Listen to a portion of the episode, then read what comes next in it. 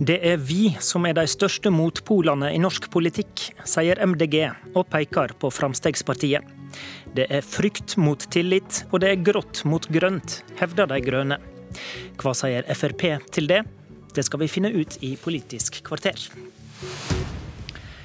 Og kanskje er det slik at de to faktisk trenger hverandre. Det mener NRKs politiske kommentator. Une Aina Bastholm, nasjonal talsperson i MDG, god morgen. God morgen. Vi vet at MDG lenge har sagt at Frp er det eneste partiet det ikke er aktuelt å samarbeide med. Men på vei inn i valgkamp så varsler MDG at dere vil trappe opp kritikken av Frp. Hva er det som gjør det? Ja, Vi vil jo for så vidt samarbeide med Frp, det gjør vi for så vidt i Stortinget i dag. Men vi vil ikke støtte en regjering med Frp. Eh, og Grunnen til at vi er motpolene i norsk politikk, og for så vidt eh, begynner det å gjelde veldig mange europeiske land, er at eh, det som kjennetegner de store utfordringene som verden står overfor nå, klima, økende antall mennesker på flukt, der plasserer vi og Frp oss fundamentalt ulikt. Og jeg mener at det som definerer om framtidige generasjoner kommer til å ha samme mulighetene, tryggheten, eh, velferden som vi har i dag, eh, er mye viktigere å forstå norsk politikk ut ifra enn den tradisjonelle økonomiske aksen som vi er veldig opptatt av i Norge, og ikke minst fordi at Arbeiderpartiet og Høyre kjenner veldig mye på at vi er opptatt av de to blokkene. Men dere har jo eh, for så vidt lenge prøvd på den analysen å dele inn verden i grønne og grå partier framfor røde og blå. Men i det grå fellesskapet har dere jo eh, vel lista opp både Høyre og Ap, iallfall. Hva gjør Frp så unike, da?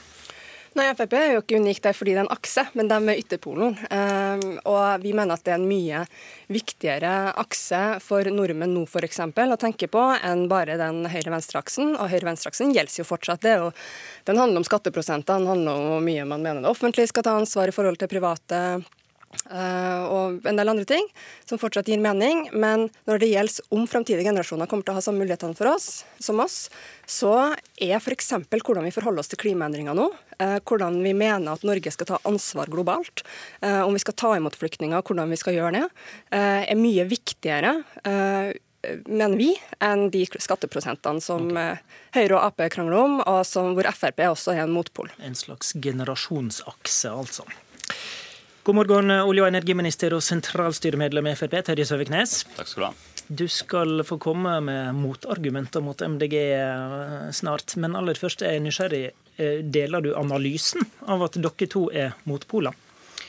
Vi er jo veldig uenige i en del viktige politikkområder. Det er ikke til å legge skjul på. Flyktning- og innvandringspolitikken, der eh, MDG har en naiv og veldig åpen politikk, eh, mens vi vil ha en streng og rettferdig flyktning- og innvandringspolitikk. Samferdselspolitikken, der vi skiller lag. Eh, en ser hva som skjer i Oslo med Marie Landberg som samferdselsbyråd og hvordan man håndterer det. Mens vi har da en mye mer offensiv utbyggingsstrategi eh, med Ketil Solvik-Olsen som tidenes samferdselsminister i Norge. Så, og på olje og gass eh, er det klart. Eh, MDG vil avvikle hele næringa, bryte ned den viktigste kompetansebasen vi har bygd opp gjennom 50 år. 200 000 fantastisk flinke folk, helt verdensledende. Det vil de bare bryte ned, rive beina under de på 15 år. og jeg tenker at uh, Fremskrittspartiet er motpolen i disse sakene. Men uh, hvis en går tilbake igjen til det som ble sagt her om, om framtid og ungdom, så går det an å snu det òg helt rundt og si at uh, ja, vi er begge partier opptatt av hva samfunn vi skal ha noen generasjoner fram,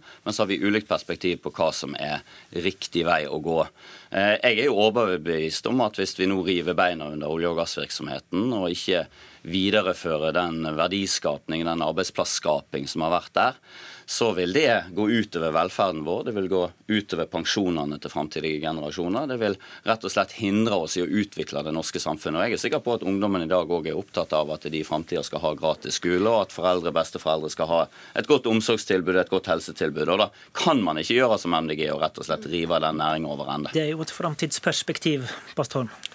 Ja, det er heldigvis ingen i norsk politikk som mener at man skal rive noe under beina på noen over natta. Eh, det vi er det eneste ja, partiet som sier veldig tydelig nå 15 år, sier dere. Det er ikke ja, over natta, eneste... men det er ikke så langt unna, kanskje? Jo, det er veldig langt unna. fordi innen 15 år så har f.eks. de fleste feltene på norsk sokkel allerede blitt enten ulønnsomme, eller de er ikke i drift lenger. Eh, så det som eh, vi er aller mest opptatt av nå, er at man ikke skal åpne nye felt, og at man har en forsvarlig utfasing av flesteparten av de feltene som er i gang. Men, uh, ja, det, det, som bare, La meg si, for å illustrere det, for det er så feil, altså. Eh, jeg skulle ønske at Miljøpartiet De Grønne kunne gått litt mer inn og sett hva norsk oljepolitikk eh, faktisk består av. Det er lange ledetider fra prosjekt blir planlagt til de blir utbygd og satt ja, og i drift. Og la meg da ta ett prosjekt som viser at det du sier er så himla feil. Johan Sverdrup. Norges største industrieventyr i nyere tid. 100 milliarder utbygging. Skal produsere i 50 år fra 2020. Og når vi er kommet til 2032, ja, da er det bare gått tolv år, og så skal altså MDG vrake en investering til 100 milliarder kroner på klimaets alter. Det blir så feil i forhold til verdiskapning av arbeidsplasser og for Norges framtid. Johan Sverdrup er det mest lønnsomme feltet på sokkelen. Eh, så det er ikke ja, rart at du, det, det er ikke så rart at du bruker det som, som eksempel. Eh, men hvis du hadde, når du ser på analysen av feltene vi har i, i, drift på norsk sokkel, så er det klart det er fortsatt en del som fortsatt durer og går eh, om 15 år. Men så er det også sånn at verden er i endring. Fornybarrevolusjonen er i gang, og Norge må ta høyde for at våre markeder endrer seg. Men, det her begynte jo egentlig med analysen av norsk politikk. Og For meg så er det her veldig kjennetegnende. fordi at Uh, Frp har en tendens til å spille på frykt. Så når vi sier vi må legge en plan, vi må endre Norge, så sier Frp stopp, stopp, stopp. Den endringa vil uh, rasere Norge. Uh, og la Norge gå til, helvete, mer eller mindre. Jeg mener at Frp gang på gang appellerer til reptilhjernen i oss, istedenfor å be oss om å analysere og prøve å ta ansvar for utfordringene. Det samme gjør de med innvandringspolitikken. Senest nå med den posten på Facebook som de posta, hvor de tok et bilde fra Bulgaria av en bilbrann der, og så påstår de at Eh, hvis ikke Frp liksom vinner valget nå, så kommer eh, de til å få tilsvarende tilstander i Norge. Og det handler om at man har fått økt innvandring. Og det er ingen, ja, ingen bunn i noe sannhet. Det er kun populisme. Er det noe der i denne, dette siste Facebook-tilfellet som, man, eh, som, spiller på frykt? Det, kan man, det fryktbegrepet kan man snu. Jeg vil bare koble det òg litt til olje og gass. Nei, nei, nå må du svare på ja. om dere spiller på frykt. Men vi eh, spiller ikke på frykt. Altså, det jeg vil fram til er at det vi tegner opp, er noen framtidsperspektiv. Og hvis det virkelig er noe som er grunn til å frykte, så er det jo at man bygger ned den største næringa vi har i Norge, som har gitt oss den velstanden vi har, det oljefondet vi har på 8000 milliarder. Det er jo snakk om å snakke om frykt og MDG bruker klima som frykt. Alt blir koblet til klima, uansett hva det er i samfunnet. Og så kan du ta dette, dette Facebook-eksempelet. Ja, Dere har fordi... ute et bilde etter bilbrannene i Oslo med en tekst der det står 'sånn skal vi ikke ha det i Norge'. Nei, eh, det er... det noe der som spiller litt på frykt? Jeg mener at det å synliggjøre at vi er nødt til å ha en reell politisk debatt om utfordringene knyttet til flyktning- og innvandringspolitikken, det har vi sagt i alle år fra Fremskrittspartiets side. Og dessverre så har det i mange år blitt eh, feid under teppet av andre partier. Eh, og så ser vi hvordan det har gått i Sverige. Eh, der òg fornekter de utviklinga i mange år. Eh, nå er det en oppvåkning, men både pressa har vært unnvikende, politikerne har vært unnvikende. Dit må vi ikke komme i Norge. Og så er det jo ikke tvil om at eh, det er veldig mange ting som tyder på at man òg i Oslo har utfordringer med at for vet, mange En veit ikke hvem som står bak brannene? Nei, men politimesteren i Oslo har vært ute og advart mange ganger over at ved at man har for stor konsentrasjon av flyktninger og innvandrere i enkelte deler av byen, ja, så skaper det utfordringer. Og dette kan være ett utslagene. Når biler blir satt i fyr flere steder i byen og det er voldsutfordringer i gjenger, skal en la være å snakke om det? Man må absolutt snakke om det. og Jeg er jo ikke enig med Frp i at vi ikke er interessert i å snakke om innvandring. Jeg gjør det veldig gjerne og veldig mye mer. Eh, men Frp påstår jo at det er pga. økt innvandring eh, at man får de utfordringene. Jeg mener at det handler om hvordan vi som samfunn eh, inkluderer folk, fordi utenforskap kan du ha uansett. Og det, ikke, det spiller ikke noen rolle om det er pga. hvor du kommer fra opprinnelig, eller om det er andre ting. Samfunn har til enhver tid hatt utfordring med å måtte jobbe kontinuerlig med å inkludere grupper. Og det, det her er et sånn typisk eksempel hvor man kan velge å liksom analysere det kjempeenkelt og si sånn mer innvandring, mer bilbranner, eller man kan prøve å forstå problemet og ha en politikk for f.eks. god integrering. Og Der har Frp en lang vei å gå, for de har jo kutta til veldig mange av de gode integreringstiltakene som vi kunne ha gjort. Uh, det, er ikke, minst... det er ikke riktig. Vi jobber godt med integrering. Men det som er, er viktig å ha med seg her, det er hvis du har en utfordring, da, for å kalle det det er det da riktig å bidra til at du får økt den utfordringen, som i dette tilfellet vil være å åpne grensene og si at man skal ta imot flere? Eller som MDG har gjort, å si at de som oppholder seg ulovlig i Norge, ja, de skal få amnesti etter sju år for voksne, fire år for barn, og på den måten invitere til at i Norge er det lett å få opphold hvis du bare ikke eh, oppgir identitet eller leverer fra deg identitetspapir. Her er det greit å komme. Da får vi de tilstandene vi hadde i 2015, og det kan vi altså ikke ha hvis vi skal lykkes med å integrere og inkludere. Da må vi ha et håndterbart eh, antall som kommer hit til landet. Vi skal avrunde nå med det strategiske. Bastholm, du har jo da en lovnad til velgerne at eh, MDG vil aldri støtte eh, ei Frp-regjering. Hvis dere skulle mm. komme på vippen, så kan jo det bli en aktuell situasjon på sett og vis. Men da kommer jo dette dilemmaet ditt. Da, da må jo i tilfelle MDG støtter en regjering på venstresida, selv om dere hevder at dere er blokkuavhengige. Det gjør dere jo i praksis til et venstresideparti? Ja, Hvis vi havner på vippen, så vil vi jo nettopp kunne forhandle med alle parter i norsk politikk. Og så regner vi jo med ja, at Høyre Nei, og vi vil jo ikke støtte en regjering med Frp. og så er Grunnen til det at de står så langt unna oss på fundamentale verdispørsmål, og jeg vil også si uh, det jeg mener forsvarlig økonomisk politikk.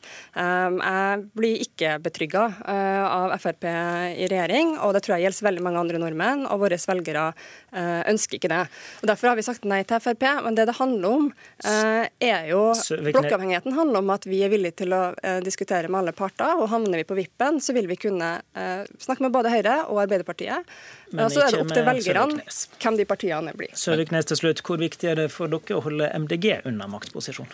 Jeg tror det vi ser i Oslo knyttet til samferdselspolitikken, er nok til å skremme mange fra å få MDG inn i en ansvarlig regjeringsposisjon. Eh, I forhold til å se for seg Rasmus Hansson kontra Ketil Solvik-Olsen som samferdselsminister, det bør ta nattesøvn fra de fleste. Og så vil jeg bare si det at Når det gjelder olje- og gasspolitikken, så er det sånn at eh, Fremskrittspartiet faktisk står på linje med Arbeiderpartiet og Høyre i de store spørsmålene. Så at man skal liksom kunne samarbeide med de to, men ikke med oss, ja, det høres litt hult ut takker jeg for eh, runden. Og så vender jeg meg til Lars Nehru Sand, politisk kommentator i NRK. Nå får du være litt kompassnål her. Eh, disse to partiene trenger hverandre, mener du? Det må du forklare. Absolutt, fordi eh, i politikken så trenger man jo venner for å få gjennomslag. Men man trenger også, kanskje spesielt i en valgkamp, fiender for å få oppmerksomhet. Eh, og der hvor eh, f.eks. Høyre og Arbeiderpartiet er uenige om skoledebatten, så er de jo enige om, uenige om tiltak, men alle er enige om at lærerne må være flinke, at elevene må gjennomføre og at skolen må være bra. Men her hører vi to partier som snakker til vidt forskjellige velgergrupper, som både i oljepolitikken og troen på hvordan oljenæringen skal utvikle seg de nesten 15-50 årene, eh, snakker helt forskjellig og til helt forskjellige grupper av samfunnet. Eh, men også i, i eh, samferdselspolitikken med, med hva, altså trenger du en bil osv. Så, videre. så disse to partiene de trenger hverandre for å få oppmerksomhet. MDG er kanskje bør være kjempeglad for at Terje Søviknes tar den debatten på den måten han gjør, fordi MDG trenger en valgkamp som handler om f.eks. olje og samferdsel, og ikke bare handler om Høyre, Arbeiderpartiet, om skattepolitikk, om skolepolitikk, mm. hvor MDG kanskje ikke blir invitert i Politisk kvarter, men nå gjør de det, eh, og det er de sikkert fornøyd med. Så lever nok altså Frp veldig greit med at MDG erklærer dem som uønska, men det er vel litt verre for Frp at det virker som det er kun Høyre som er vennlig innstilt overfor Frp om dagen. Hvordan kan Frp møte det? Uansett så tror jeg det, første, det som først og fremst er viktig for Frp nå, er å eh, tenke på seg selv, tenke på sin egen oppslutning, og dermed gå til krig for å få alle de eh, velgerne de kan få som vil stemme på Frp. Og Da kan Frp i større grad enn MDG spille på flere saker, både innvandringspolitikk, samferdselspolitikk og skattepolitikk. Men det at Terje Søviknes eh, som vestlending går inn og heier på denne næringen som det på en måte har vært politisk korrekt og, kanskje ikke snakke på den måten som, som Søviknes gjør, det kan skaffe Frp noen ekstra velgere rent geografisk og, og sakspolitisk på et felt som, som Frp har bare å tjene på å ha flere ben å stå på i en valgkamp. MDG har prøvd å endre dette bildet av venstresida mot høyresida. Er det noe i det? Det er det jo på den måten eh, MDG legger det frem ved å si at de er en motpol mot alle partier som ønsker eh, mer eller mindre eh, oljevirksomhet også i fremtiden. Så, så, det har de rett i. Men at, at det er stor forskjell på å være et sentrumsparti og å være blokkuavhengig, det er en pedagogisk øvelse å, å forklare. Og høyre-venstre-aksen finnes nok fortsatt også etter denne sendinga. I studio, Håvard Grønli.